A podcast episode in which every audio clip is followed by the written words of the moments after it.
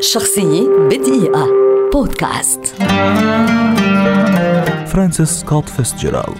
روائي وكاتب قصص قصيرة أمريكي شهير ولد عام 1896 وتعد كتاباته نموذجا مثاليا لكتابات عصر الجاز وهو المصطلح الذي صاغه بنفسه كما يعد أحد أعظم الكتاب الأمريكيين في القرن العشرين. كشفت سنوات نشأته وتكوينه عن ذكائه الاستثنائي وعن إلمامه الشديد والمبكر بالأدب. وفي عام 1920 نشر روايته الأولى The Side of Paradise التي نالت إعجاب كتاب النقاد وحولته بين ليلة وضحاها إلى أحد أهم كتاب عصره الواعدين وذلك عندما كان يبلغ الرابعة والعشرين من العمر. عام 1922 نشر فيتسجيرالد روايته الثانية The Beautiful and Damned التي رسخته كأحد المؤرخين والساخرين من ثقافة الثروة والمال. وفي العام نفسه نشر رواية The Jazz Age. عام 1924 انتقل فيتسجيرالد إلى فرنسا باحثا عن الإلهام وهناك ذلك كتب روايته الأعظم والأشهر The Great Gatsby التي تم نشرها عام 1925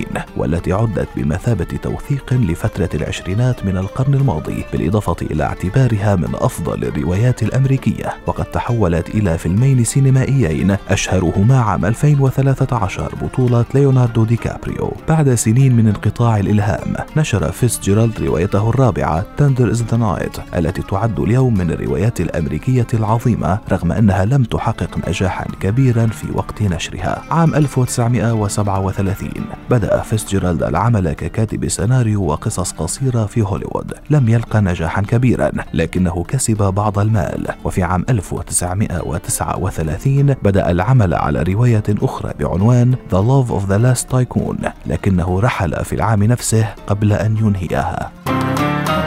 شخصية بدقيقة. بودكاست.